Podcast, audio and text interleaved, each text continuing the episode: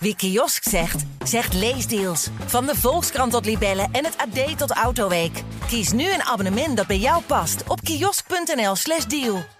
Hallo, mijn naam is Gijs Groenteman. Ik zit in de archiefkast op de redactie van de Volkskrant om een interview aan te kondigen dat ik vorige week heb gehouden met iemand die al heel lang uh, in het publieke oog is en ook in mijn aandacht is, zonder dat ik nou eigenlijk precies weet waarom. Ja, ik weet dat ze ooit bij Jeroen Pauw zat, volgens mij in een talkshow, omdat ze uh, wat dingen getwitterd had. Ze was toen heel links activistisch, is ze nog steeds geloof ik.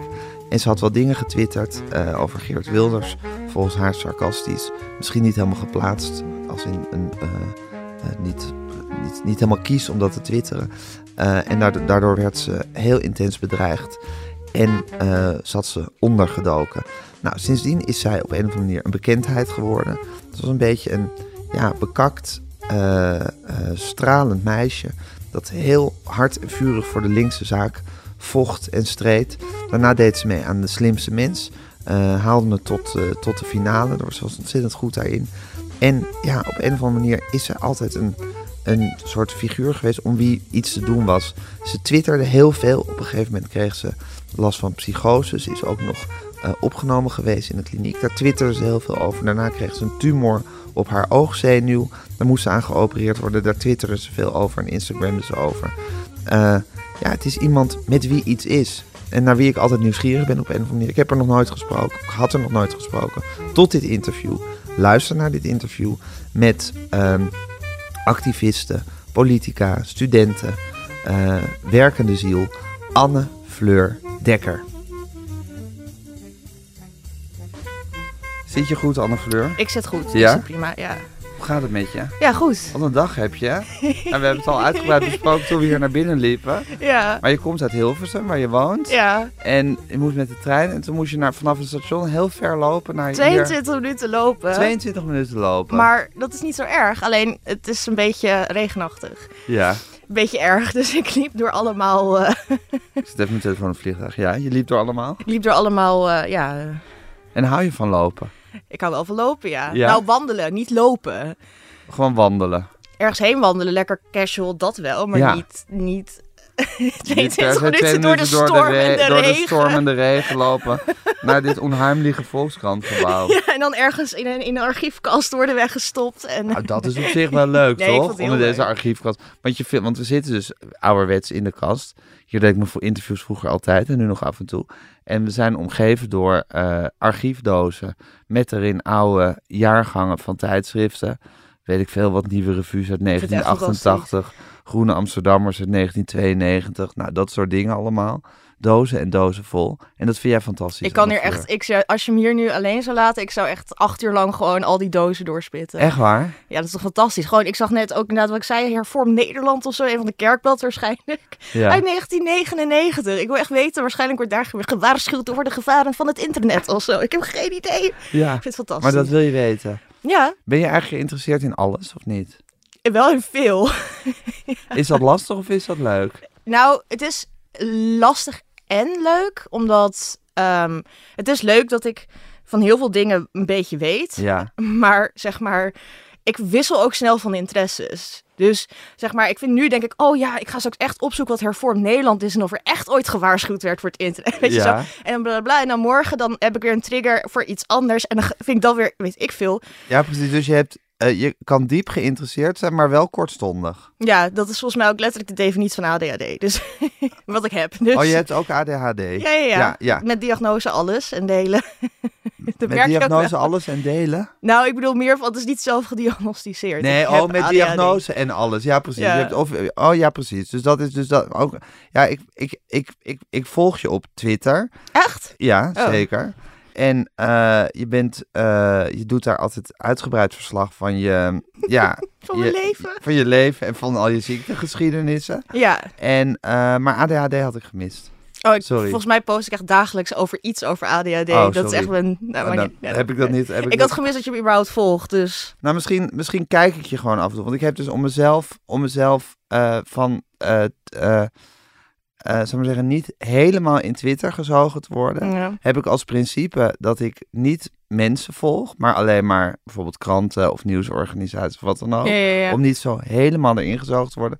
Maar dan kan ik het toch niet laten. En sommige mensen zoek ik dan gewoon af en toe los op. Ja, gewoon precies. om te kijken hoe het met ze gaat of wat, wat ze zoal getwitterd hebben. Nou, ik heb, en mensen zullen dat echt heel erg verbazen. Ik heb gewoon niet de Twitter-app. Echt niet? Nee, want anders ga ik de hele dag op Twitter. Ik heb hem wel bijvoorbeeld op mijn iPad, maar ik zit niet de hele... Die... Maar dan kan je toch gewoon via internet op, je, op Twitter. Ja, maar dat is toch... Het Dat kan, maar dat is net verder. een stapje verder. Dat je hem net niet... ehm, nou, je kent het wel. Je opent je telefoon en je... Weet je, dat hebben in ieder geval heel veel mensen van mijn leeftijd. Nou ja, je klikt alle apps aan en voor je het weet ben je drie uur verder. Ik heb ook geen Instagram en zo op mijn telefoon. Ik heb het wel, maar het zit allemaal op mijn iPad. Ja, Want om jezelf te behoeden Je voordat je de hele tijd Precies. ingezogen En je, wordt. je pakt niet zo even je iPad de Ja. hele tijd. Ja. Wel als je thuis bent, maar... hey, en Anne Fleur, je zegt van ik heb ADHD met diagnose en alles. Maakt het, maakt het uit of dat officieel gediagnosticeerd Nee, is? het is alleen... Maakt het voor jou uit?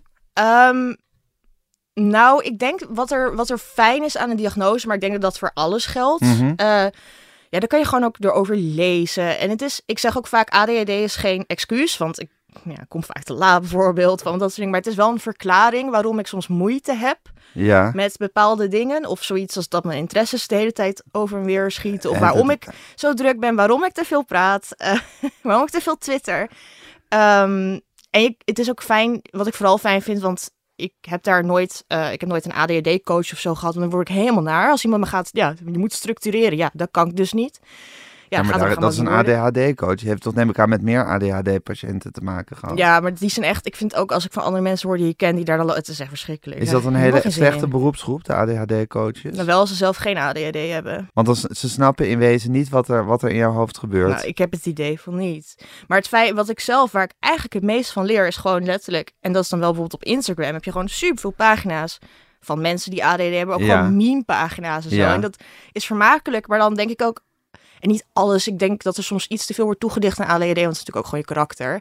Maar ik denk wel van, weet je, daar heb je toch een soort van herkenning en erkenning of zo. Ja. En daar leer je ook gewoon van. Ik denk, oh, huh, dit doe ik ook. Is dit echt een symptoom van ADD? Oh ja, makes sense, weet je wel. En dan, dan je leert jezelf er gewoon beter door kennen. Ja, precies. Je snapt de, de soort de, de valkuilen of de structuren van je eigenschap, van je karakter, begin je beter te snappen omdat je, omdat je andere mensen die dat een beetje datzelfde Ja, hebben, die daar dan verslag van en doen. het is niet bij iedereen hetzelfde ADHD, maar het is wel, ja, je hebt wel gewoon veel overeenkomsten met elkaar daar. Ja, en het is het drukken Ja. en het en het en het is een, een concentratieding. Hmm. Dat je niet heel lang op hetzelfde geconcentreerd kan blijven. ja. Of dat je gewoon dat je, dat je, dat je Nou, hersens alle kanten opschieten. ja, tenzij je een hyperfocus raakt, hè. Dus dat is als je echt iets heel interessant vindt. Bijvoorbeeld, je zou me nu acht uur lang in deze kast achterlaten. Ja.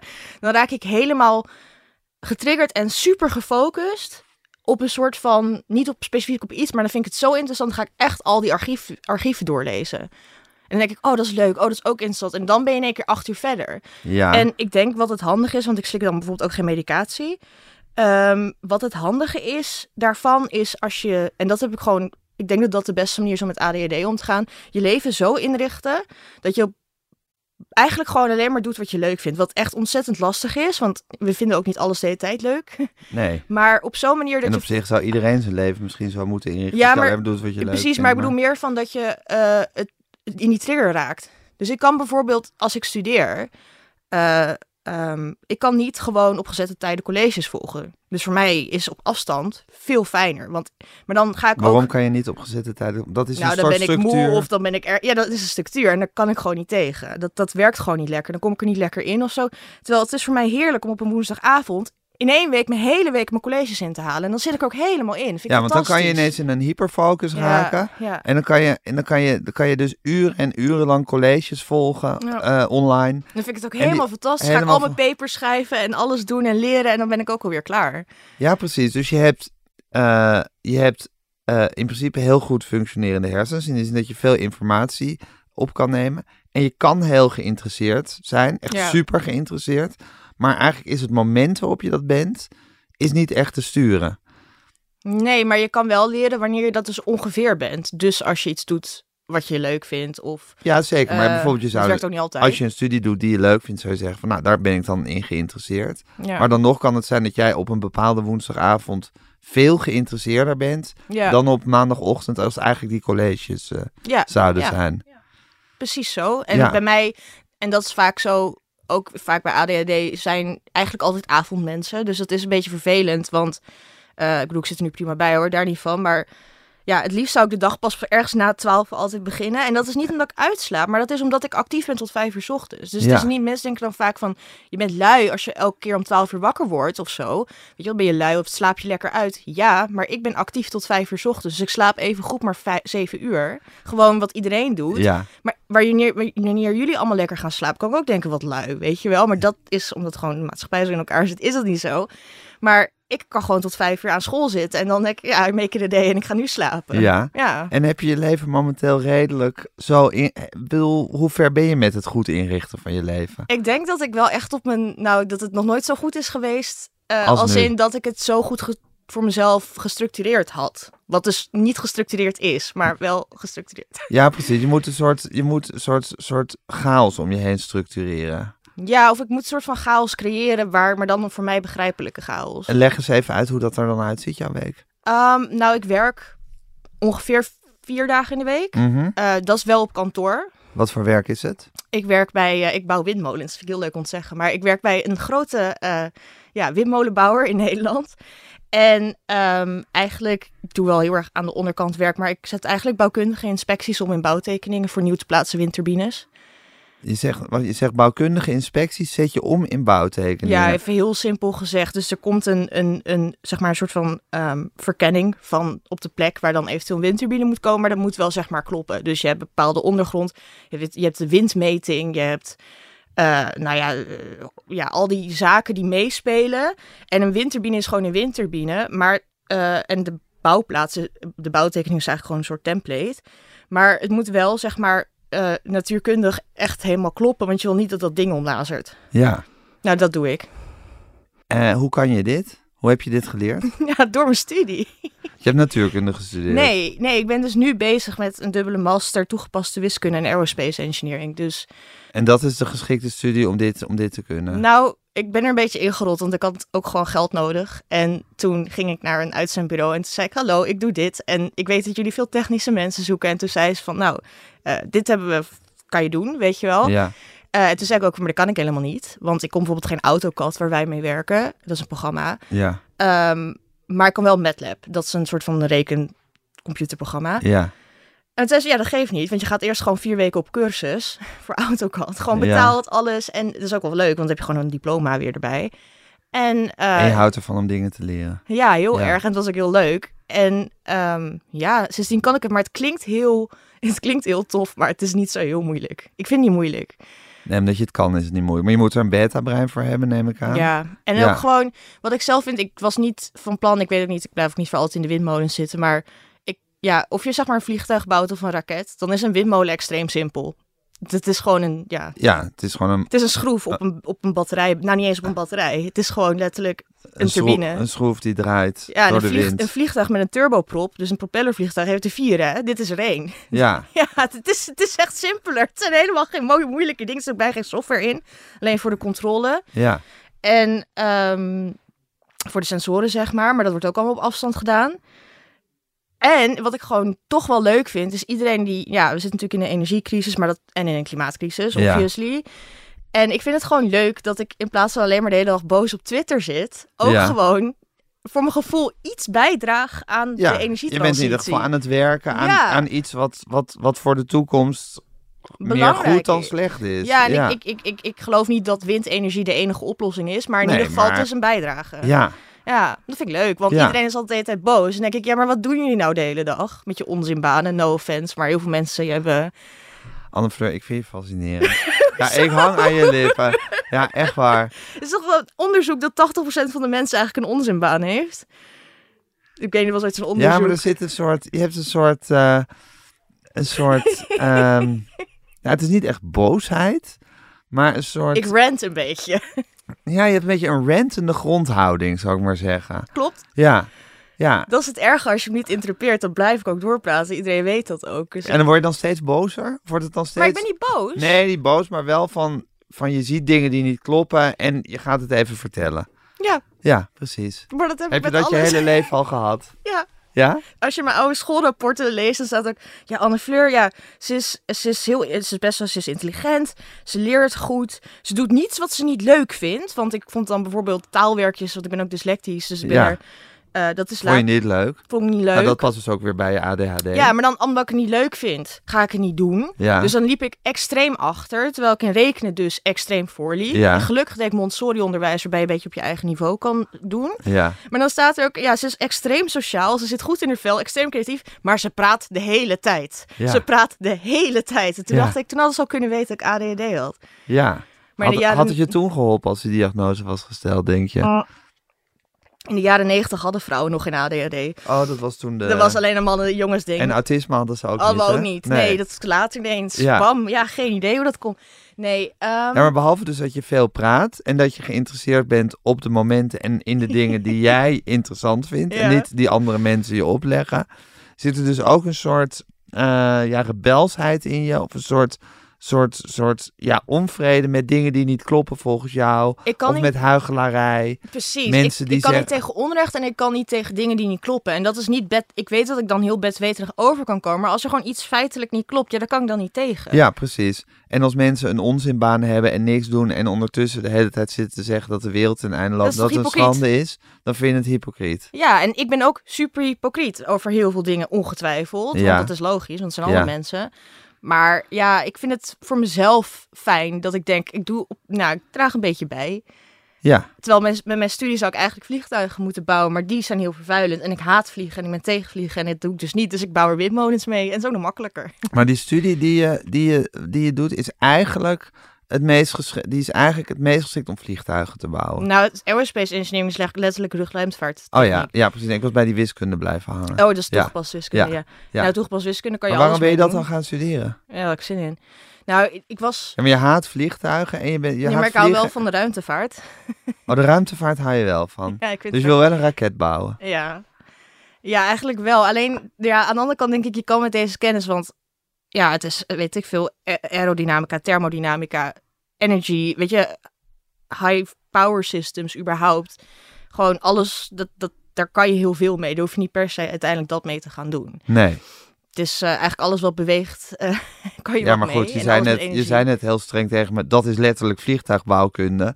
dus heb je gelijk. Maar goed, dan is dat toch ook wel een beetje waar je, waar je, naartoe, waar je naartoe hobbelt. Ja, Maar, maar, het- ja, oké. het hoeft dus niet. Het Het, is een beetje, ik, ja, je, kijk, als je naar Maar je bent eigenlijk voor je, uit je liefde voor ruimtevaart heb je die studierichting Ja, gekozen. want ik was ziek dan, inderdaad, zoals je weet, waar ik het net over had. Mhm. En ik, ik had, ja, ik, ik, zoals ik dus altijd ga praten, zoals ik nu doe, heb ik heel erg veel in die tijd. En vooral omdat ik ziek was tijdens corona, kreeg ik gewoon wat meer aandacht. Want oh ja, eh, ik was een van de weinige patiënten die nog eh, wel, zeg maar, geopereerd mocht worden, omdat ik spoed was. En Dit was de tumor op je oog. Ja, op mijn Ja. oogzenuw, Ja. ja. Je oogzenuw. Ja, en ik ging dus heel veel met artsen praten die dus niks konden doen. Want een oogarts of een neuroloog, die konden niet bijspringen op die IC. Dus die zaten zich eigenlijk stierlijk te vervelen. En ik lag in mijn eentje op die zaal aan een Ja. morfinepomp.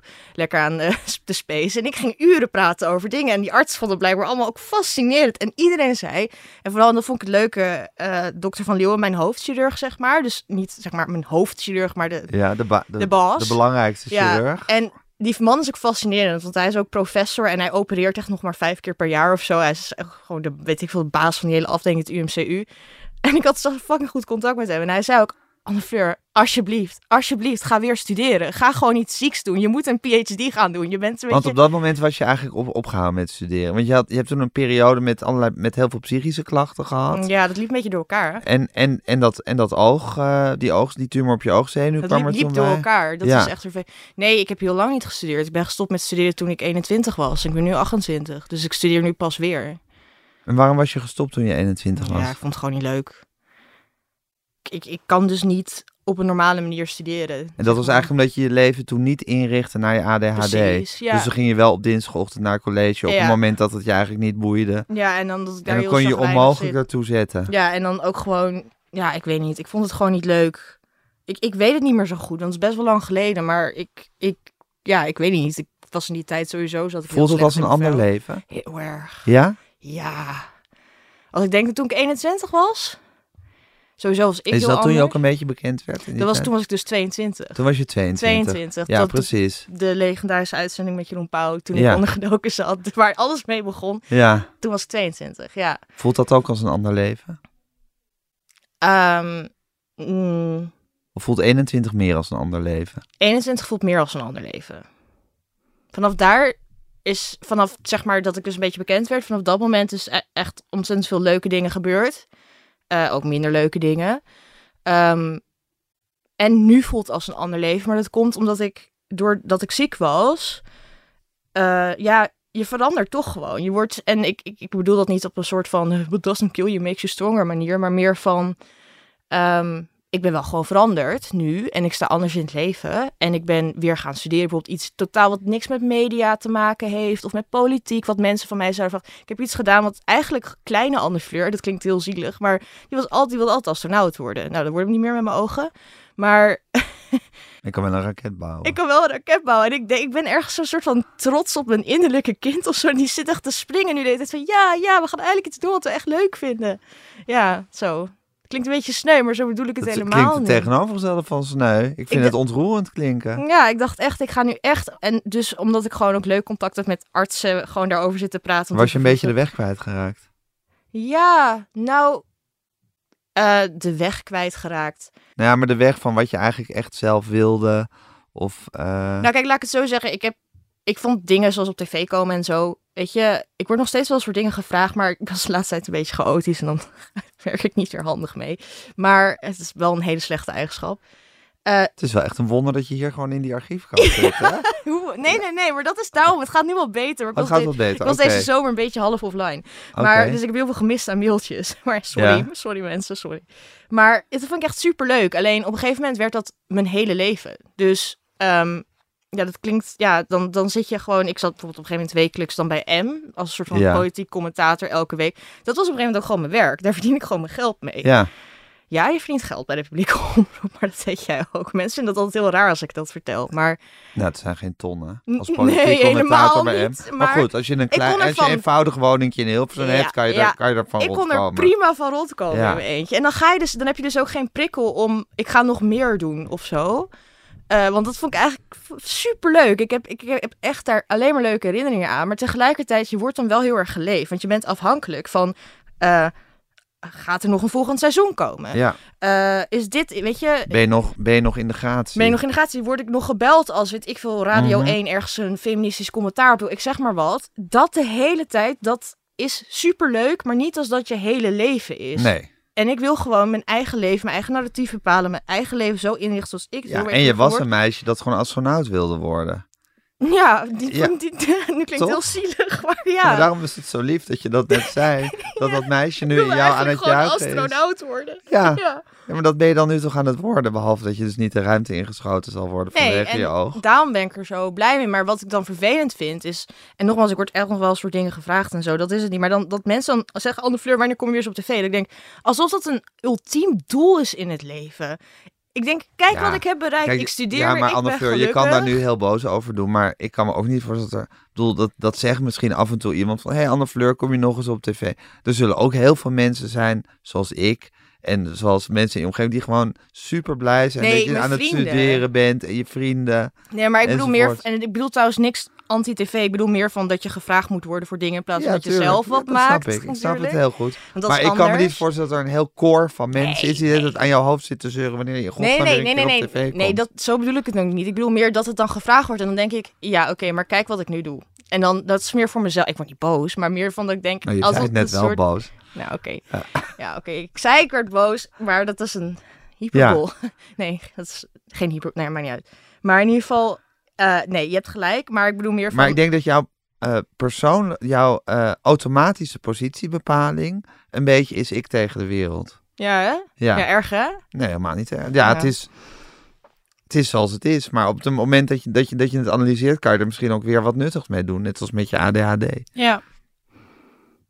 Ik vind het ook leuk om het gewoon te klagen en boos tussen aanhalingstekens te worden. Volgens mij denken mensen echt dat ik de hele dag heel boos ben. Ja, maar het is ook een beetje je brandstof. Ja. Het is een beetje waar jij goed op gaat. Ja, Ja. gewoon het ook niet met iets eens zijn waar iedereen het mee eens is.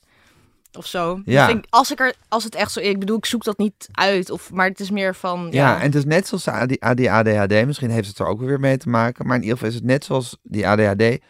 Is het een super onhandige en een super praktische eigenschap natuurlijk. ja. Ik bedoel, het is heel praktisch als je het in je voordeel weet te gebruiken. En het is super onhandig als je het de hele tijd je eh, dingen laat verstoren eigenlijk. Maar ja, dat is denk ik met alles in mijn karakter. Gewoon hoe ik ben. Net als dat ik altijd denk, weet ik ben echt een, iemand, of je vindt me heel leuk of helemaal niet. En dat vind ik dan ook prima. Eh, maar dit is het ook. Het is echt zo'n alles of niets dingetje een beetje. Of, of het is heel handig, of juist niet. Maar je moet dan toch leren op een of andere manier dat dan handig in te zetten. En ik Ja. denk dat ik dat eigenlijk nu een beetje bereikt heb. Op Heb je het gevoel dat je jezelf leert kennen zo langzamerhand? Ja, Ja. Ja, echt heel erg. Daarom zeg ik ook, ik ben nu wat anders, omdat ik gewoon meer door heb wat ik eigenlijk aan het doen ben. Eh, gewoon als in sociaal. Wat is En, een belangrijk keerpunt in je leven geweest voor het jezelf gaan leren kennen? eh, mijn eerste psychose. Wanneer was die precies? Dat is al mm, meer dan drie jaar geleden, denk ik. En waarom is, het, waarom, is, een- waarom is die psychose belangrijk geweest om jezelf beter te leren kennen? Ik denk, je kan echt allemaal. je- Ik heb er ook ontzettend, echt ontzettend veel over gelezen, over psychose in het algemeen en interviews gezien. En voor iedereen is het anders. Maar ik zie de psychose als een soort van. Weet je, je, bent, je hersenen zijn. Je bewustzijn is maar zoveel procent van wat er in je hersenen ligt, Ja. zeg maar. En eh, ik weet even het precieze aantal niet, maar dat maakt niet uit. Het grootste gedeelte van je hersenen zijn onbewust. Daar, daar, ben je, dat- daar ben je niet mee bezig, zeg maar. En bij een psychose gaat je onderbewustzijn gaat over je bewustzijn lopen. Dat is eigenlijk waarom je hallucineert, waarom je misschien stemmen hoort, waarom je, het is voor iedereen anders, in een soort overdrive gaat. Er ligt allemaal ellende opgeslagen Ja, in dat onderbewuste gedeelte van je hersenen. waar je met En je dat bewustzijn moet er- niet bij kan. En daar moet een keer uit. En dat kan best Ligt die ellende er bij iedereen opgeslagen? Ja, één op de tien mensen krijgt een psychose. hè.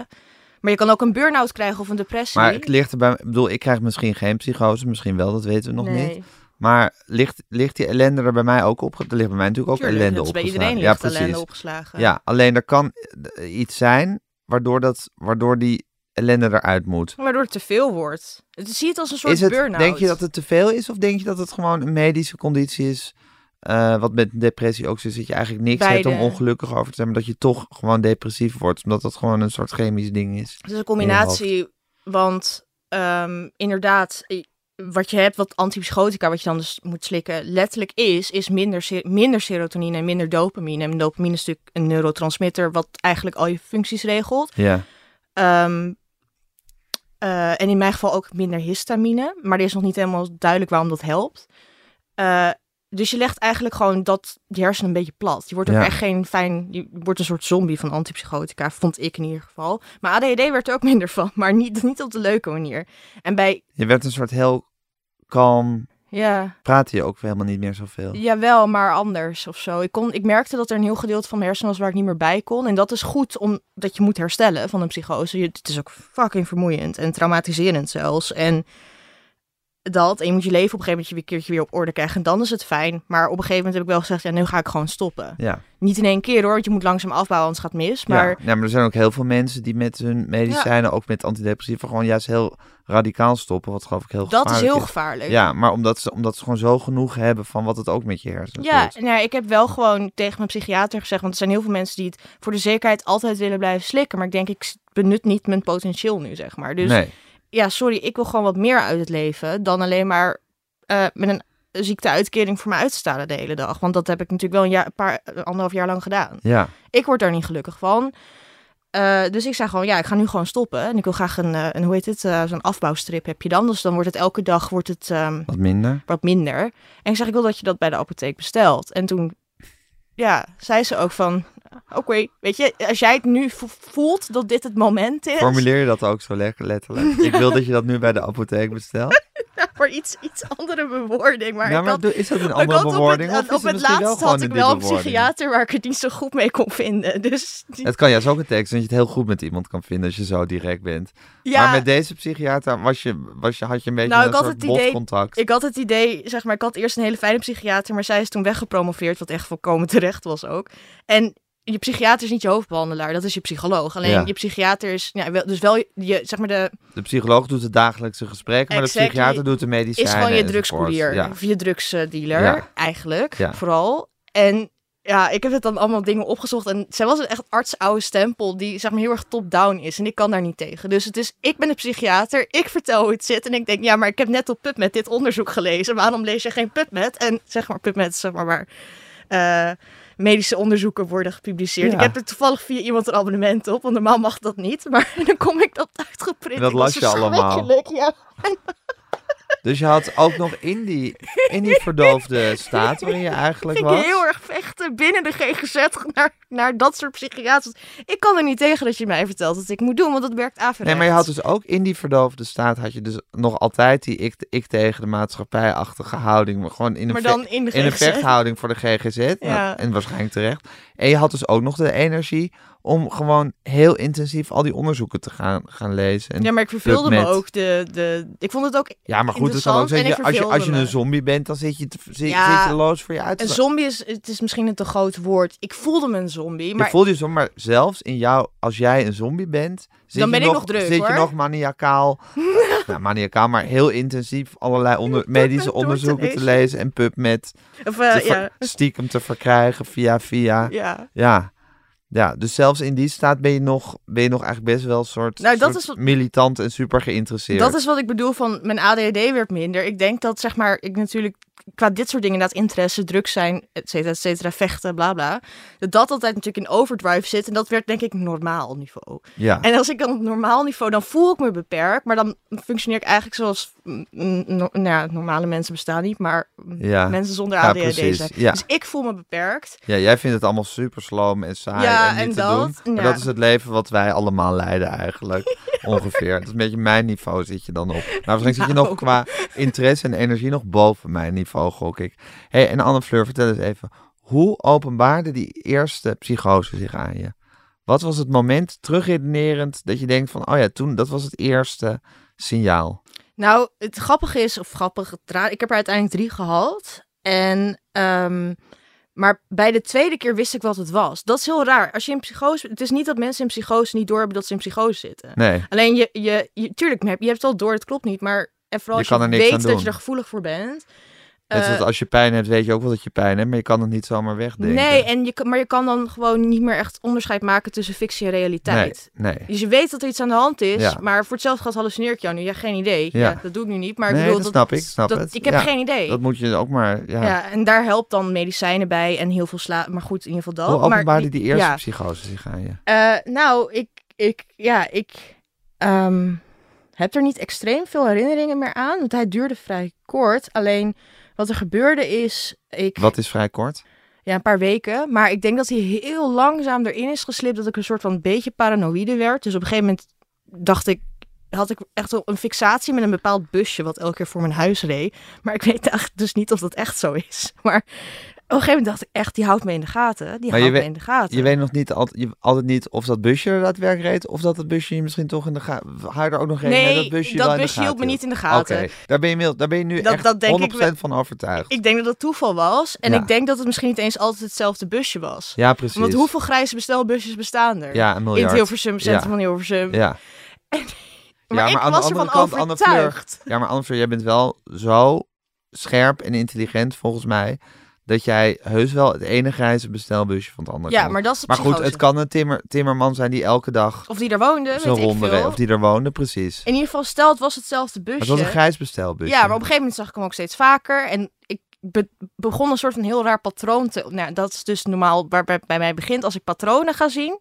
Nou ja, ik zie vaker patronen die wel kloppen. Maar dit zijn van die rare patronen. Dat ik Ja, zeker dat is wist. natuurlijk ingewikkeld dat je een wiskundig brein hebt. Ja, En dan, is, dan ben je natuurlijk eigenlijk bijna geprogrammeerd om patronen te zien. precies. Ja. En dat, dat is nu ook... En dat is ook waarom ik onder andere dit ben gaan studeren. Omdat ik erachter kwam in psychose dat ik er eigenlijk best wel goed in ben. Ja, Maar, ehm, dat, en ik, ik, nou, ik had steeds meer het idee van, ik word, weet je wel, eh, eh, op straat heel erg vaak achtervolgd.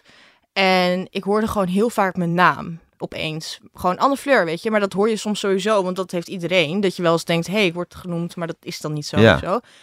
Eh, en ik weet niet, ik denk dat dit er heel langzaam in is geslipt. Ehm, maar wat ik vooral, het moment dat het, en ik kan me niet alles nemen, maar het moment dat ik echt wist dat het, nou ja, eh, fout was. Ik moest, mijn moeder die ging een paar dagen weg of zo, ik weet niet, en die ging op haar kat passen bij haar thuis. En ik zweer het je, die kat, die, die, die praatte gewoon tegen me. ik hou heel veel van die kat, maar hij zei gewoon, hij, hij, nou hij praatte niet, hij, tele, hij, eh, eh, hoe Hij- dat? hij telepatheerde met Ja, mij. precies. Dus hij, je communiceerde met hem zonder dat hij zijn mond bewoog Ja, maar en hij, hij, en hij, ik kon zijn gedachten lezen. En hij bekeek me de hele tijd heel veroordelend. En ik wist, hij gaat alles wat ik fout doe, gaat hij doorvertellen aan die mensen die mij achtervolgen. Alles. Alles wat ik fout doe. Hij, hij, hij houdt me in de gaten. Hij vertelt alles door aan iedereen. En godzijdank dacht Beetje ik... zoals de poes in Minoes. Ja, precies. Ja, maar ik hoorde gewoon... En ik, ik zweer het je, ik kan het me nog, dat nog wel voor me halen. Hij keek mij ook gewoon veroordelend aan. Aan de andere kant, dat doen katten Dat sowieso wel. Ja. hebben. Maar je zegt nu steeds, ik zweer het je. ja. Waar tussen ook iets in zit van, het was echt zo. Het is, voor- als die herinneringen zijn steeds- echt. Ja, precies. Het is niet dat ik het nu anders... Ik herinner Nee. me gewoon nog dat hij tegen Ja, me maar dat praat. is op zich ook wel een interessante filosofische kwestie. Als jij dat hebt ervaren, dat Ja. hij tegen je praat, dat hij met je communiceerde. Een soort Schrödingers eh Maar kat. waarom zou het dan niet zo zijn? Ja. Ja, ja, maar ja. ja maar als je erover gaat na... telepatheren. Of hoe noem je dat? Eh, Nou, dat kon toen dus wel. ja. Ja, daar zit iets... Daar zit iets... ja, op het moment dat je Daar kan bestaat het. Ja. Ja. Dat is Schrödinger. Ja. Maar ja, het klopt ook wel. Alleen, dat is ook... En daarom is psychose aan zich super interessant. En als je eenmaal hersteld bent... Ik klinkt bijna alsof... Ook saai, als Nee. je het niet meer hebt. Nee, ik ben best wel dankbaar dat ik het heb ervaren. Omdat het gewoon, het is je eigen brein in overdrive, nog meer dan normaal. Maar het is inderdaad ook heel interessant. Ik heb een heel interessant boek dat gaat over bewustzijn, psychose en eh kwantumfysica. Want inderdaad, dit komt uit de kwantumfysica. Weet je, je zou kunnen zeggen, als je dan, en dat vind ik leuk ook aan mijn studie, dat daar bijvoorbeeld ruimte voor is, dat je heel erg gaat kijken in de kwantumfysica. En dit geloof ik niet echt hoor, maar je zou filosofisch kunnen denken dat je bijvoorbeeld juist een, een, een, op een of andere manier een, net een ander bewustzijnsniveau raakt of een ander uni- universum daar net te lang scheert dat jij dan wel kan observeren.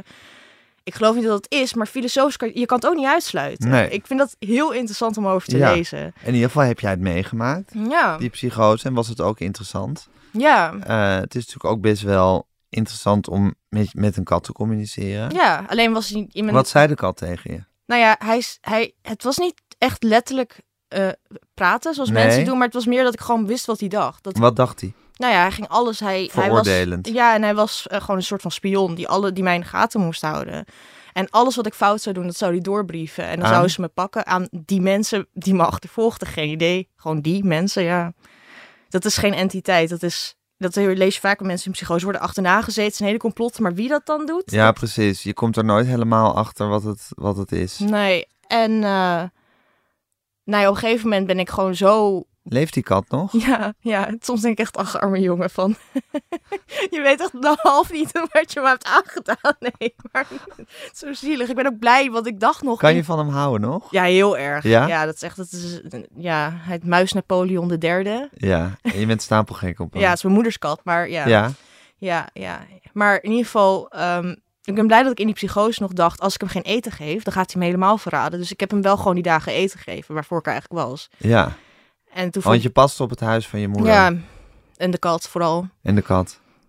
Ja, en toen op een gegeven moment kwam mijn moeder thuis en lag ik in de, de dekbed gerold onder mijn bed. Helemaal van ze gaan me pakken, ze gaan me pakken. En die dacht, ja, het is niet goed. Dit is, dus eerst dacht ze dat ik drugs had gebruikt, maar dat had ik dus juist niet gebruikt. En eh, ja, dan is het, eh, ja, de huisarts bellen hè. Ja. En dan ga je naar de crisisdienst. Ja. En waarom heb je jezelf beter, want dat, dat voor waarom heb je jezelf beter leren kennen door die psychose? Nou, die eerste niet zozeer, maar die tweede, de lange, Ja. Hoe Ehm, lang heeft die geduurd? een paar maanden.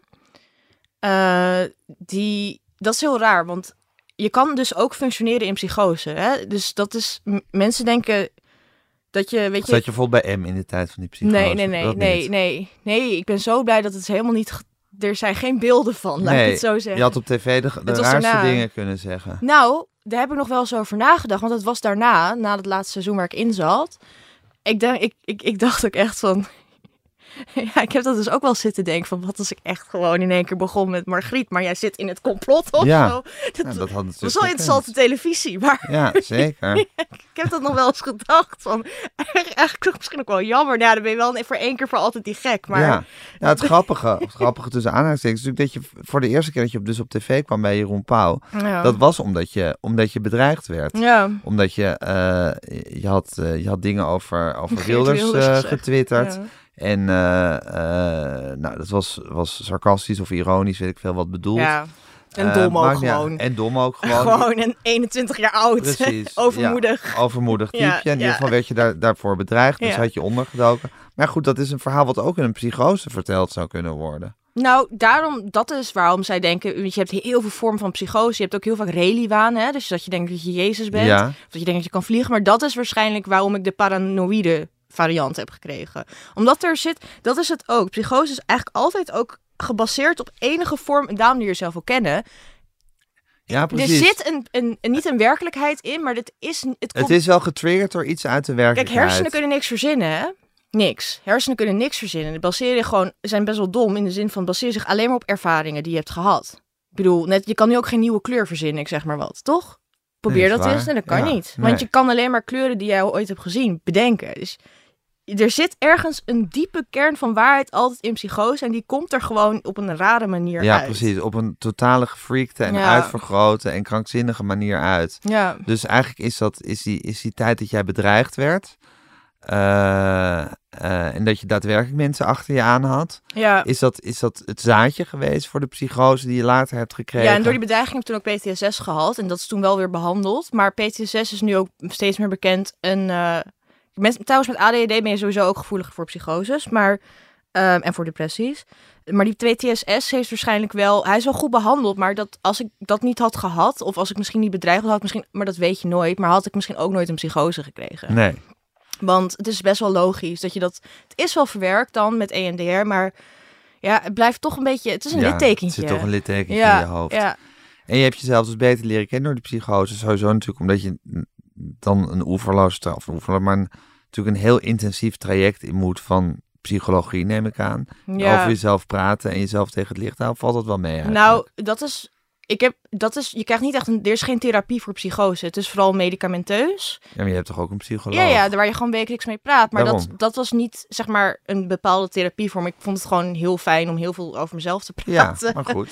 Maar dat heeft wel geholpen. Ja, dan leer je, dan ga je wel eens over jezelf praten tenminste. ja, Ja, en het helpt eigenlijk niet tegen de psychose, maar het is misschien toch goed. nee, het is ook gewoon fijn, hè? Want je Ja. bent ook, ja, je probeert het ook voor jezelf een beetje van waar komt het vandaan. Maar in die tweede psychose dus, die lange, of was het de derde? Nee, het was de derde, de laatste.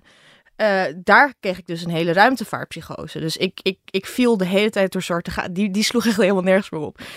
ik viel door zwarte gaten. Dus ik zei ook, Marit, Marit was mijn psycholoog.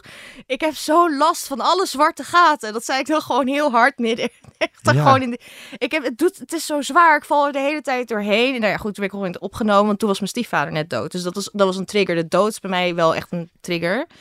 Die was net daarvoor overleden. Die had maar een ziektebed van zes weken. Dus dat doordat hij kanker Ja. had en, en dood ging. Dus dat is helemaal niet goed. Ja, dat is voor mij echt een trigger als iemand zo... Dat, Ja. dat kan ik niet hebben. Terwijl ik zelf ook nog die oogproblemen had. Wat dus tussendoor liep.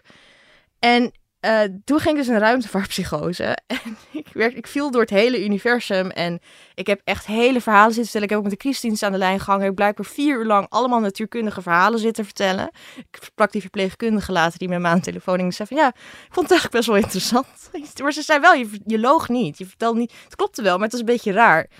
En toen zat ik dus in mijn kamer en toen heb ik een hele... En ik wist niet wat het was, maar ik heb dus een hele transistor uitgetekend. In mijn psychose, gewoon op de muur met een stift. Echt top. En, en we hebben echt er drie dagen over gedaan met, de- met de psychiater... om uit te zoeken, wat heb je nou zitten tekenen? Maar dat is gewoon, dat heb ik ooit op het VWO geleerd. Gewoon een, hoe je een transistor, gewoon een elektrische schakeling, Mhm. hoe je dat tekent. Met, Ja. Weet je wel, met alle schakelingen en zo. Maar ik wist het ook niet meer. Maar dat ligt dan ergens nog opgeslagen van het VWO. En dat heb ik daar op de muur zitten tekenen. En toen was ik echt, Anne ga alsjeblieft iets met natuurkunde doen. Want dit, eh, en dat helpt ook om die psychose soort van te kanaliseren. Want daar ben ik achter gekomen. Hey, maar ik ben hier wel gewoon goed in. Het sloeg natuurlijk nergens op dat dat aan het doen was. Want je stiefvader is dood en je praat alleen maar over ruimtevaart. Maar ja, hij heeft wel geholpen. Dus toen ben ik weer een beetje online gaan kijken van kan ik het nog? En kan ik nog wiskunde en een beetje bijscholen en dat. Gewoon eh, terwijl ik opgenomen zat. Maar dat heeft dus heel erg geholpen. Eigenlijk heeft die psychose jou weer op de, Ja. op de, op de eh, route van de wiskunde en op dat, eh, wat, en dat, dat, dat, eh, die ruimtevaart. Ja, misschien was het ook gewoon kleine Anne Fleur. Toen was je het alweer een beetje vergeten, die ruimtevaart. Ja, heel, heel lang al vergeten. Echt heel lang. En er gewoon niet meer mee bezig. En ik denk dat het dus dan toch zo'n soort van kleine Anne Fleur is die dus dan dus in één keer zegt... Oké, stiefvader is dood. Nu kom ik weer. En nou gaan we een keertje verdomme gelukkig worden.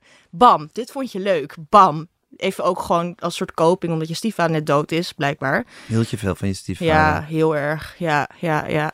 Wat voor man was dat? Ja, Hans was echt. eh, eh, ja, wat voor man was het? Heel grappig.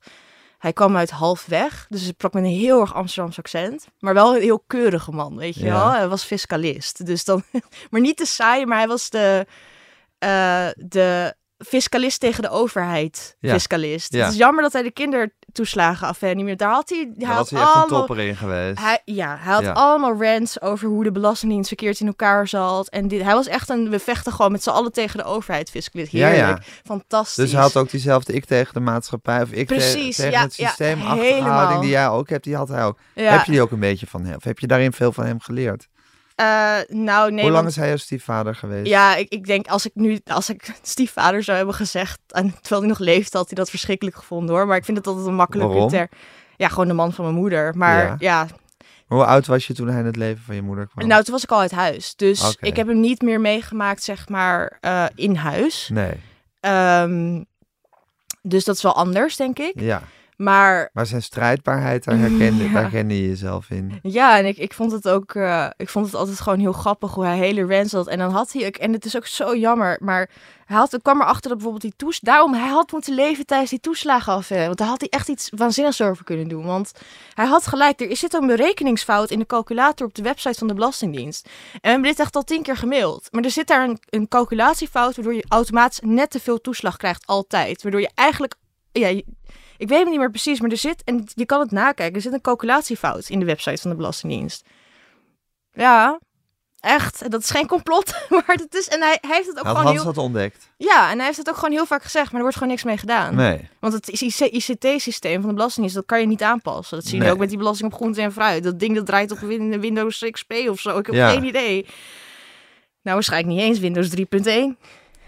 En Hans, die was daar, die was daar, die was Ja, daar militant boos. over. Maar dan had hij een rechtszaak of iets. En dan, dan kon hij dat dus opwerpen. En dan was dat dus wel een, een argument. Ja. En hij overleed dus, Ja. tragisch genoeg, Ja. na een ziekwet van zes weken. we- Ja, zes longkanker. Weken, longkanker. En toen eh, viel jij in je psychose. Ja. En in die psychose heb je eigenlijk ontdekt waar je, welke kant je op moest. Ja. Ja, Ja. dan zou je het ook als een soort openbaring kunnen zien, die maar daarom, jij vroeg, hoezo heb je jezelf toen beter... Nou, zo. Dat is het ook. Heb je het gevoel dat er ook een soort, dat dat ook nog eh, op een bepaalde manier gestuurd is? Hoe bedoel je? Nou, dat, hij, dat het, is, het, is het zomaar dat hij dan is overleden en dat jij daardoor in die psychose hebt Ja. en daar die openbaring hebt? Is dat gewoon een soort toeval? Door wie zou dat gestuurd moeten Weet zijn? ik niet, maar het kan ook een soort, ja, in de chaos kan ook een soort, weer een soort betekenis zitten. Nee, dat is gewoon, dat is omdat ik nog niet helemaal hersteld was van de tweede. Dat was die, die langste, zeg maar. eh, is het logisch dat je meteen weer in psychose vervalt Ja. op het moment dat er een live Ja, event maar het is toch grappig met zo'n psychose zoals jij dus gehad hebt, dat je die zowel als een, ja, eh, psychische crisis kan zien, als Ja. als een openbaring. Ja, maar openbaring klinkt dan gelijk weer zo religieus of zo. Ehm, nou, ik bedoel het eigenlijk niet religieus, maar het heeft je wel iets laten zien. Ja, In, die- in die zin heeft het je iets geopenbaard. maar daarom ben ik ook dankbaar voor. Dat Weet klinkt ik. Ja, maar heel het is, raar. Nee, maar ik bedoel openbaring dus in de hele Ja. letterlijke zin. Het heeft je iets geopenbaard. Oh, Nou, geopenbaard, ja. ja, dat, Je, dat, je, dat, je, dat, je, eh, dat je weer eh, degene moest gaan volgen die diep in je verborgen zat. ja, Namelijk kleine Anne Fleur die in de, in de ruimtevaart wilde. Die Ja. astronaut wilde worden. ja. Ja, is wel. Dat is echt zo. En nogmaals, daarom kijk ik er nu heel positief... Dat klinkt heel raar, maar heel positief op terug. En dat hoor je vaker van mensen. In het begin is het allemaal vreselijk en kommer en kwel. Maar dan een paar jaar later, als je al een tijdje gezond bent... niet meer op de medicatie zit, je leven is weer op orde. Ja. Misschien beter dan dat het ervoor was. Dat hoor je ook vaak. Dan kijk je er positief op terug. Omdat, wat ik zeg... Ik ken, hoor alleen maar mensen wier leven, uitzondering daar gelaten... het hangt ook een beetje af hoe je zelf bent...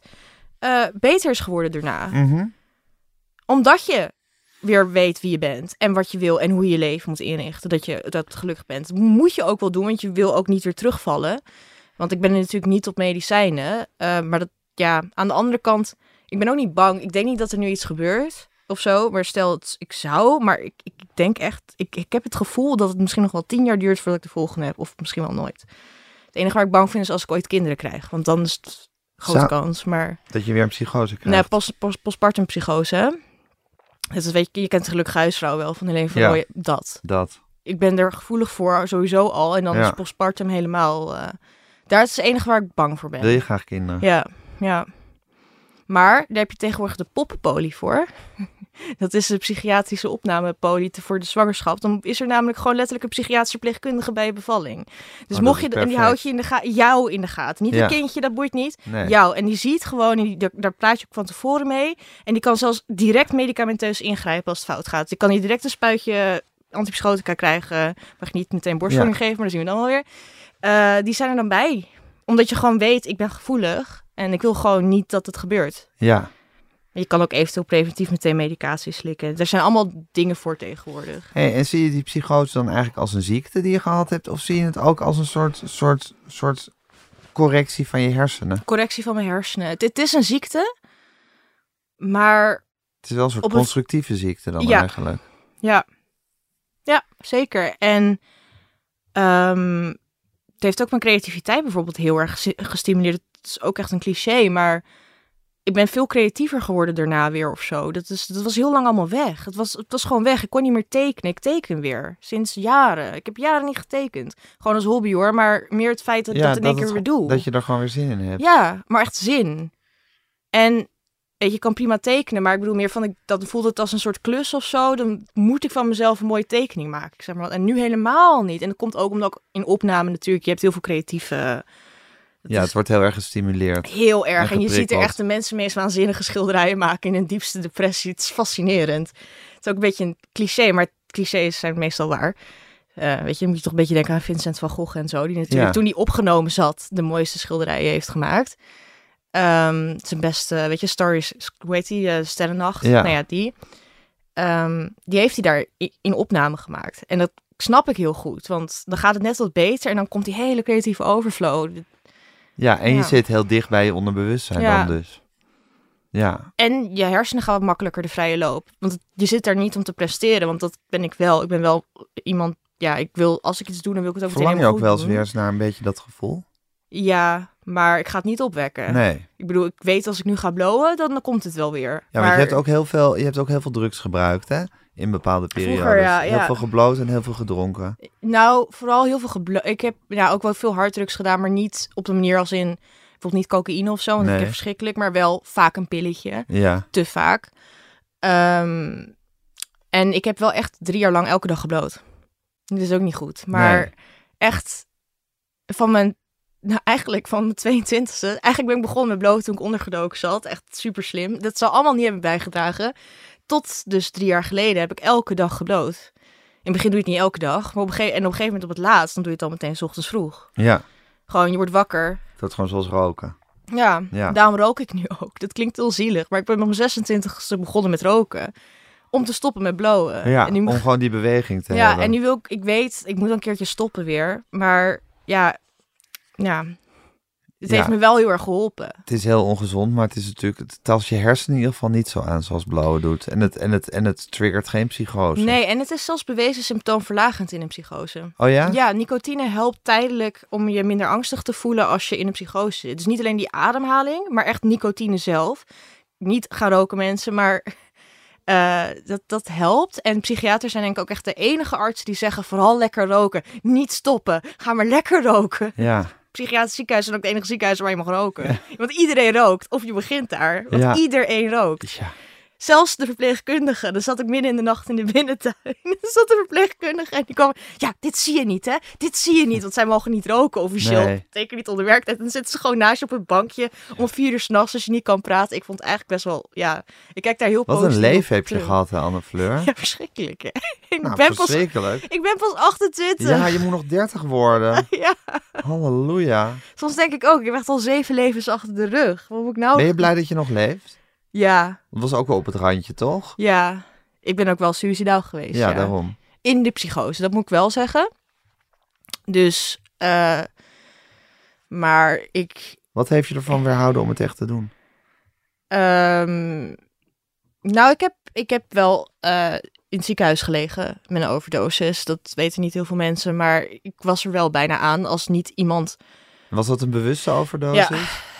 Ja, want ik dacht Van echt, wat? Eh, ja, ehm, nou, heel veel psychofarmaca, laat ik het zo Hm. zeggen. Als je benzo's en antipsychotica en dan... Oh, ik had ook nog morfine en Je alcohol. gewoon wat er voorhanden was, heb je ja, gewoon in je en een mond fles vodka. Als je dat in combinatie neemt, dan ga je wel dood. Eh, dus Hoe het- kan het dat je nog leeft? Nou, omdat blijkbaar iemand merkte, met wie ik aan het appen was, dat er iets niet goed was. Want ik had geen afscheidsappjes of zo gestuurd. God, het is wel weer goed dat je zo manisch communicatief bent. Ja, zelfs op na je moment dat ik zelfmoordpoging nog aan het appen bent met iemand. Nee, maar dat is dus het hele ding. Dat deed ik dus niet. En diegene Oh, merkte... dat deed je niet? Ja. Nee, die, en ik dacht, dit klopt niet. Nee, die praat Fleur, anders. als Ja. Anne Fleur niet antwoord... Oh, je gaf Nee, wel ik antwoord. gaf, nee, ja, ik gaf wel antwoord, maar minder manisch dan normaal, zeg maar. Zoals ik nu, of Ja. maniacaal, zoals ik nu praat. Ja, En die, die, ik weet niet, die had, geen, die had gewoon een voorgevoel. En die heeft gewoon mijn, mijn buurman gebeld. maar dat je überhaupt nog terug appte. Toch? Ja, ik weet het niet. Ik lag er echt op dood te gaan. En ik zit nog wat Is erger. het nog te En ik appen? zit nog te appen. Ja. Volgens mij had ik wel nog een laatste, maar die was heel cryptisch. Een laatste tweet gestuurd terwijl Oh ja? het spel begon in te werken. Het is echt heel erg.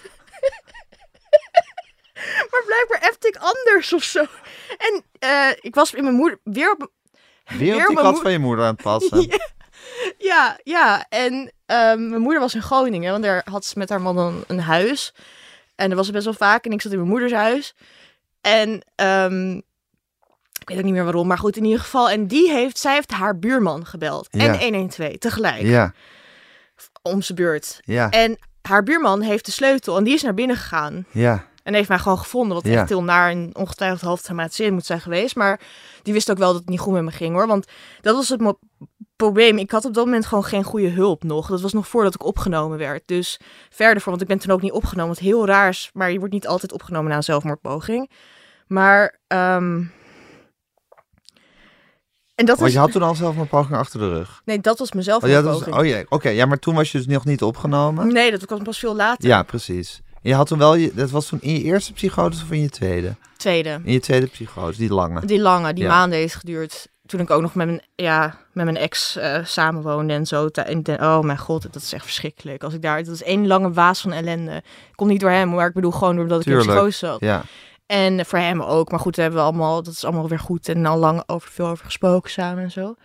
Maar, ehm, nou ja, ik deed dus die poging. En ik ben toen wel dus met de ambulance natuurlijk gewoon meegenomen. En daar geholpen. Maar ik had wel zeg maar de lethal dose eh, genomen. Want dat, zo slim ben ik dan ook nog wel weer. Dan zoek je gewoon op hoeveel moet ik van dit slikken om dood te gaan.nl. ja. dat die zou bestaan niet, maar Je had alleen niet kan dat moeten wel appen. ik had, nou, ik had blijkbaar een, anders moeten appen of zo. En eh, Misschien zat er toch ook nog ergens iets in je onderbewuste dat je zelf toch ook wilde revealen. ja, ja, of zo. Ik, ik, weet het, ik weet het niet. Ik weet alleen wel dat ik toen echt dood wilde. En het rare is, ik heb toen een Hoe soort... voelt dat om echt dood te willen? Nou, dat je gewoon echt, echt, echt geen enkele andere uitweg ziet. Dat je gewoon geen oplossing meer ziet voor je problemen. Dat je gewoon niet meer kan denken, het wordt wel weer beter. Nee, je of kan geen kiertje vinden je ergens. kan nergens vinden, dit lost zichzelf, dit lost wel eens op. Of Nee. ik kan hulp vinden, of goede hulp bestaat. Of weet je, dat zie je niet meer. En als je, ja, het is gewoon net als denk ik dat je ondraaglijk veel pijn hebt, waar mensen bijvoorbeeld ook euthanasie voor Ja. krijgen, wat natuurlijk niet anders is dan zelfmoord, maar goed, Ja, tuurlijk. het, Het is, je ziet als die pijn nooit meer stopt ja. en je denkt, e- maar je denkt dat het nooit stopt, want dat doet het uiteindelijk wel, maar je denkt echt, dit komt dan, Nou, dat ga, dan ga ik maar dood, weet je? Dan, Pijn, pijn kan natuurlijk gewoon niet zijn. ja, maar, Maar, dan, maar jouw zijn ondraaglijk. uiteindelijk... Ja, ondraaglijk. en dan denk je van, ja, dan ga ik maar dood. Ja. Dan, ik kan niet iets anders zien dan Nee. doodgaan nu. Ja. Ja. Ik begrijp het ergens nog steeds wel hoor. Het is niet dat ik nu denk van, oh wat dom of wat helemaal niet. Nee. Het is nu dat je er gewoon anders voor staat. Het enige is, en het was bijvoorbeeld echt, het was, en dat zeggen dan mensen wel eens, was het een roep om aandacht. Ongetwijfeld ook, maar ik had wel echt een liefvol doos genomen. En het is ook blijkbaar anders appte. Ik heb toen ook, dat is heel raar, ik heb dat nog nooit verteld, maar een, een soort, een hele rare bijna doodervaring, of een, een, een, een, dit is zo'n cliché, maar dus iets, ik heb natuurlijk de hele ziekenhuis-episode niet meegemaakt, want ik was uh, weg. Je was oud. Ik was oud. En het was heel raar. Het enige wat ik me ervan kan herinneren. En ik, ja, ik, ik, dit klinkt zo cliché, maar daarom hoor je het zo vaak. Was dat ik dus in zo'n witte ruimte was. Het was helemaal wit. Echt, maar dan zeg maar niet een ruimte. Het was gewoon wit licht. Het is zo cliché, waarom ook heel grappig. En in het midden was een soort vlakje. Dus niet echt een brug, maar een soort vlakje wat een soort van omhoog stak. Omdat het zag je, want er zat schaduw onder. Mhm. En er stond een man op, maar het was niet Jezus of zo. Maar het was wel een man die gewoon helemaal in het wit was. Die ik nog nooit eerder had gezien, maar echt een beetje een generiek gezicht. En die zei... Het is goed dat je je donorcodicil hebt ondertekend. Maar het is te vroeg, je moet nog teruggaan. Dat is, ik, heb ik heel vaak over nagedacht. Ik heb het wel vaker met mensen verteld Ja. ook heel veel over gelezen. Want blijkbaar hebben heel veel mensen die dus bijna doodgaan. Want je lichaam weet heus wel van, oh jee, ik ga nu dood, weet je. Van... ja, we zijn bijna bij het randje. En er zijn allemaal theorieën over dat het nog een laatste stoot endorfine is. Of dat, weet je wel, en het feit dat je hebt gelezen over bijna doodervaring. Dat Ja. je dan zo'nzelfde krijgt, Ja, zeg maar. maakt. Dat, Ja. dat, dat, ja. Wat denk je? Ja, ik, ik denk dat het gewoon toch een projectie is van mijn eigen hersenen. Maar ik vind het wel heel erg interessant. En vooral ook, wat ik nooit begreep is dat stukje... het is goed dat je je donorcodicil hebt getekend.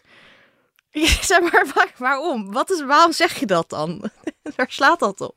Maar ook van, het is te vroeg. Nou, omdat jij toch een heel diep, eh, diep gevoel in je hebt dat je het goede wil doen. Ik denk het. Ja. En eh, wat ik interessant zoals dat vind... je blij bent dat je aan windmolens werkt. Ja, en wat ik interessant vind is als je andere mensen dus leest die zoiets hebben meegemaakt, die hadden dan vaak een keuze. Maar bij mij was het gewoon, het is te vroeg. Je, Ja. moet, je moet nog teruggaan. Ik, je hebt geen Of, dan kan je ook denken, dat was het moment dat mijn hersenen erachter kwamen. We gaan toch overleven, snap je? Dus daar kan je allemaal theorieën op loslaten. Ik heb geen idee. Maar ik vind het ergens ook fascinerend dat ik dat eens heb meegemaakt. Want het is zo'n cliché. Maar heel Ja. veel mensen die... Iedereen heeft altijd dat witte weer licht. waargenomen. Ja, iedereen heeft dat, dat witte licht bijna. Dat hoor je altijd op Ja. een brug. Nou, bij mij was het dan meer een soort van vlakje. Maar die hoor je gewoon heel vaak. En is dat nou een projectie van je eigen hersenen? Of dat, is het gewoon een universele menselijke ervaring als je bijna doodgaat? Ja.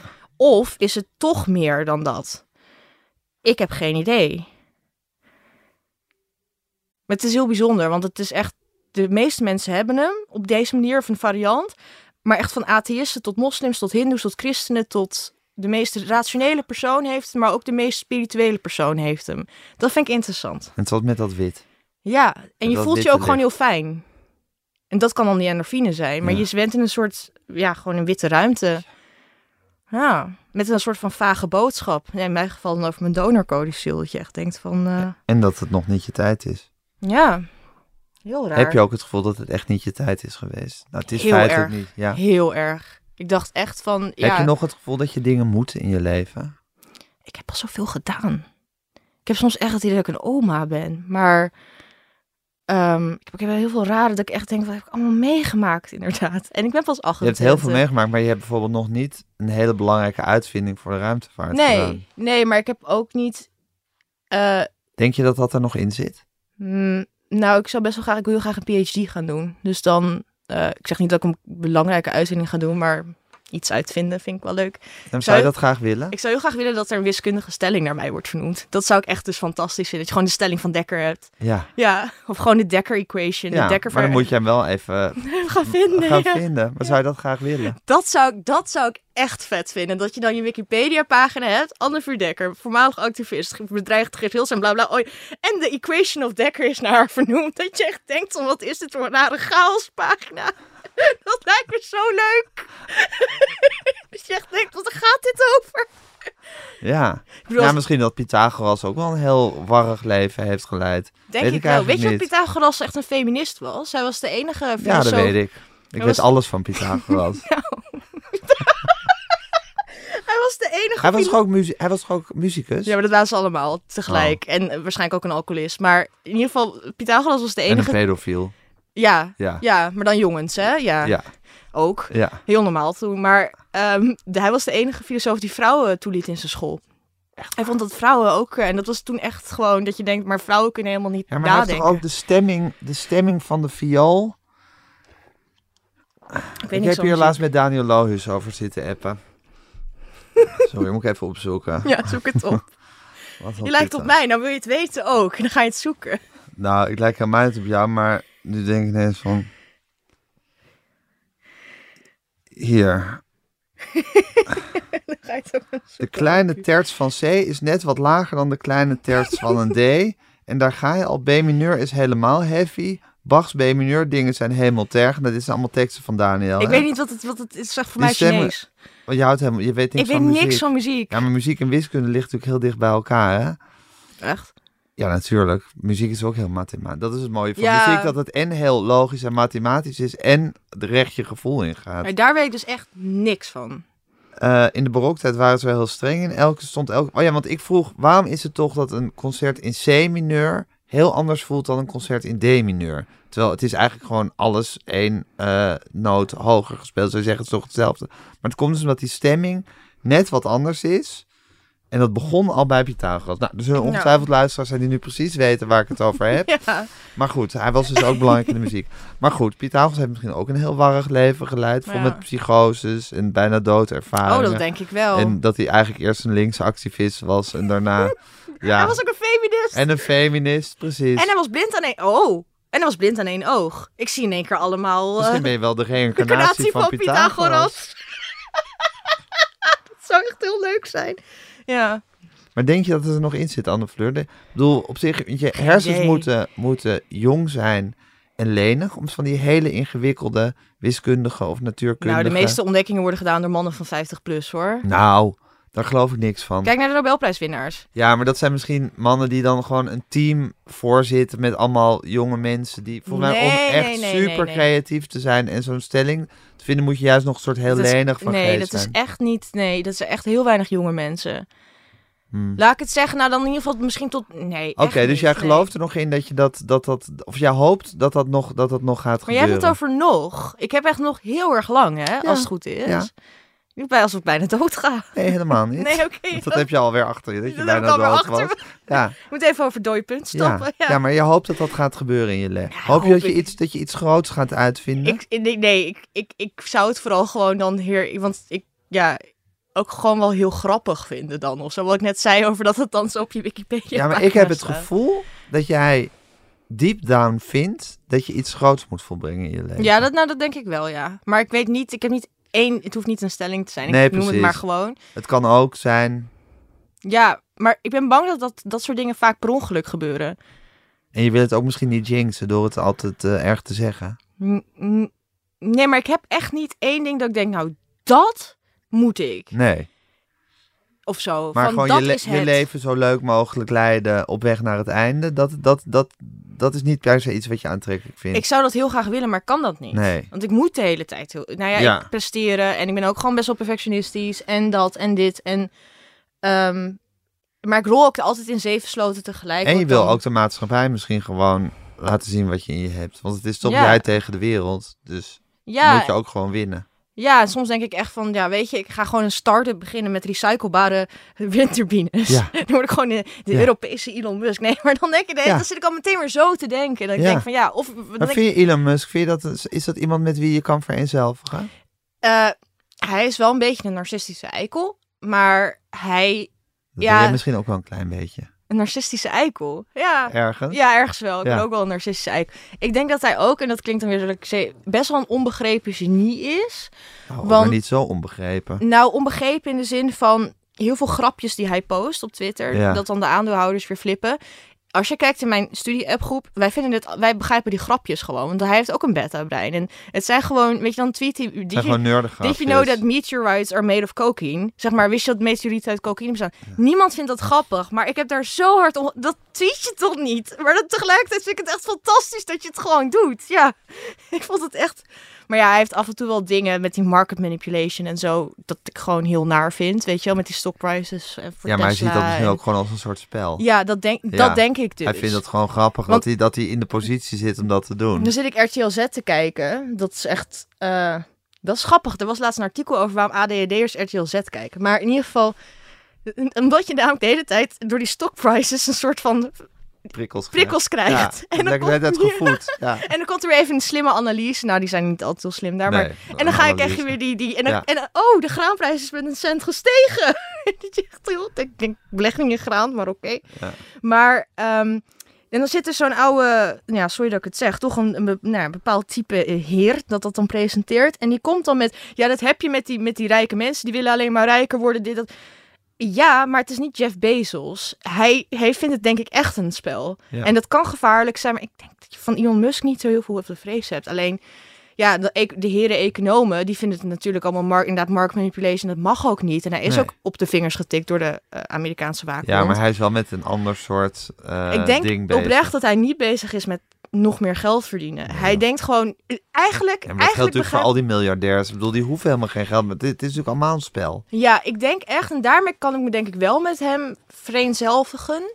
Trouwens, je hebt het net over grote dingen, maar hij was ook ver in de derde, eind 30 van daarom. Tesla. Ja, maar goed, hij heeft natuurlijk ook een soort eh, iets, iets megalomaans. Dat heeft Ja. hij ook waargemaakt. En ik, ik denk, ja, nee, hij heeft ook autisme, wat dan een soort van weer op ADHD lijkt in Mhm. bepaalde vlakken.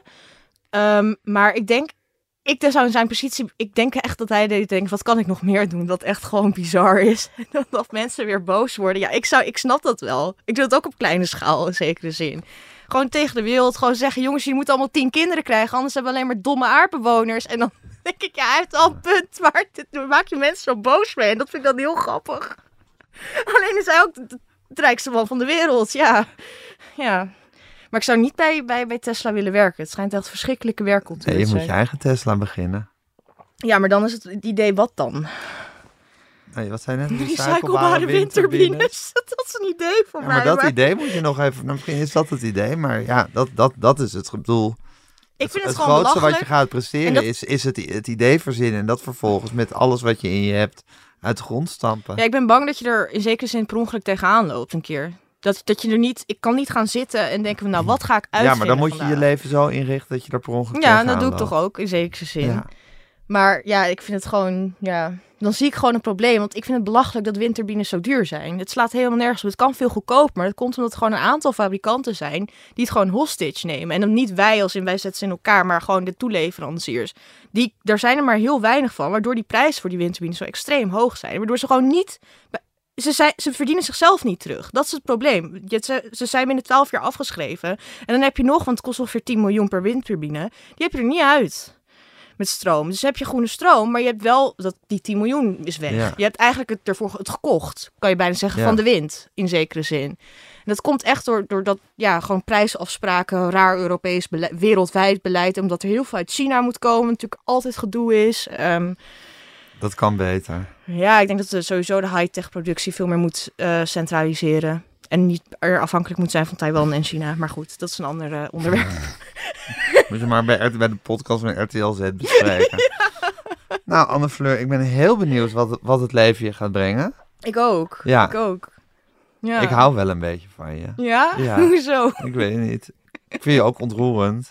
Nou, het Vind je dat erg? Nou, hoezo ontroeren? Ja, omdat, je, omdat ik ook het gevoel heb dat je gewoon een soort strijd aan het leveren bent. Een beetje Don Quixote tegen, tegen de windmolens. Nou, een beetje, beetje om de mensen uit te leggen hoe je het ziet en hoe het in elkaar zit. En dan snappen ze het niet. En dan moet je het nog harder uitleggen. En dan word je gefrustreerd dat ze het niet snappen. Ja, En eh, ja, ondertussen moet je nog je eigen gevecht met, met, met tumoren en psychoses eh, leveren. Ja, het is en ik allemaal ben nog steeds niks. slechtziend. Daar ben ik ook ervan geworden. Daar is het ook niet altijd handig. Maar Nee. daar ben je ook alweer aan. Maar Ja, ja. je moet nog stoppen met roken. En ik moet nog stoppen met roken. Ja. Geef me een hand, Anne Fleur. Heel erg bedankt. Ja, heel, ik vond het leuk. Ik vond het ook leuk. Ehm, Dit bedoel ik met je moet me stoppen, want anders blijf ik nog drie uur lang doorpraten ja, over dat is ook centralisatie. mijn taak om dit gewoon te stoppen. Ja, maar ik hoop wel dat je nog een keertje spreekt. Ja, ik ook. Leuk. Ja, Ja, als je eenmaal die start-up hebt. dan Een kom ik hier bent. praten over mijn start-up. Kan ik geen, als je een start-up begint, mag ik dan een aandeel kopen? Ja. Ja, je krijgt, je krijgt, nou, bij deze, Nee, je krijgt, nee, nee, klein, ja, ja, maar dan voor symbolisch bedrag, want dat is dan Oké, zo, is goed. Gewoon, dat is ook heel grappig. Dan kan je zeggen, ah, ik had een aandeel voor een euro. Ja, Want dat hadden we ooit in een podcast afgesproken. En nu oh, is het een miljoen waard. Ja, dat is toch grappig. Komt dan ook op jouw Wikipedia. Zeker, dat wordt ook een heel chaotisch ding. Daarom Dankjewel, Anne Fleur. Dankjewel. Dit was eh, Met Groenteman in de Kast met Anne Fleur Dekker. Mijn naam is Gijs Groenteman. Ik maakte deze podcast samen met uh, Tamar Bot en Fanny van der Rijt, de redactie. Daan Hofstee zorgde dat alles online kwam. Corien van Duin is de eindredactrice. eindredactrice. Uh, u kunt ons mailen als u daar zin in heeft, podcasts.volkshand.nl. u kunt ons volgen op Instagram, metgroenteman. En geef ons vooral, als dat ergens kan, bij Spotify, bij Apple, geef ons vooral lekker veel sterretjes.